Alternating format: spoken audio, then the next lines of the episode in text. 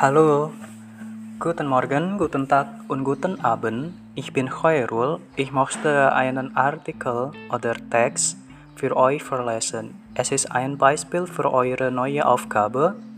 Solarstorm, Sonnenfeuer, Heulen, Windräder, was die himmlischen Reaktoren leisten können. Wie ließe sich der Strombedarf der Menschheit aus klimaneutralen Quellen stillen? Hier sind die erfolgversprechendsten Ansätze.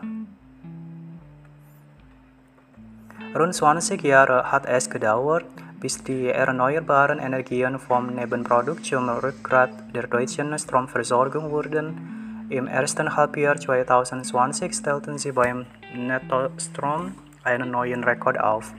An deutschen Steckdosen kam mehr Energie aus Wind, Sonne, Wasserkraft und Biomasse an als auf fossilen Quellen.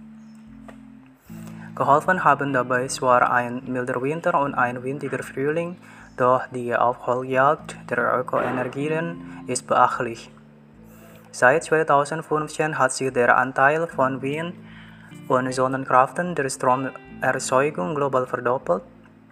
Hinter der Vielfalt der klimafreundlicheren Energiequellen verbergen sich vor allem zwei grundlegende Prozesse, die Kernspaltung im Inneren der Erde, die den Planeten mit aufheizt, und die Kernfusion im Innern der Sonne die uns als Sonnenlicht erreicht.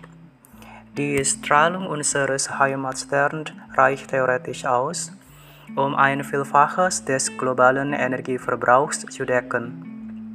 Heuen Windräder, besonders ergiebig bläst der Wind mehr als 300 Meter über der Erde, fernab der Reichweite klassischer Rotoren mit fliegenden Turbinen an Drachen oder Fesselballons ließe sich besonders viel Energie ernten, weil der Wind in diesen Heuanlagen kräftiger und mit geringerem Flautenrisiko bläst.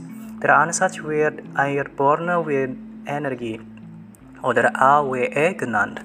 Doch die Steuerung der Anlagen ist komplex. Bislang ist die Technik noch im Experimentierstadium.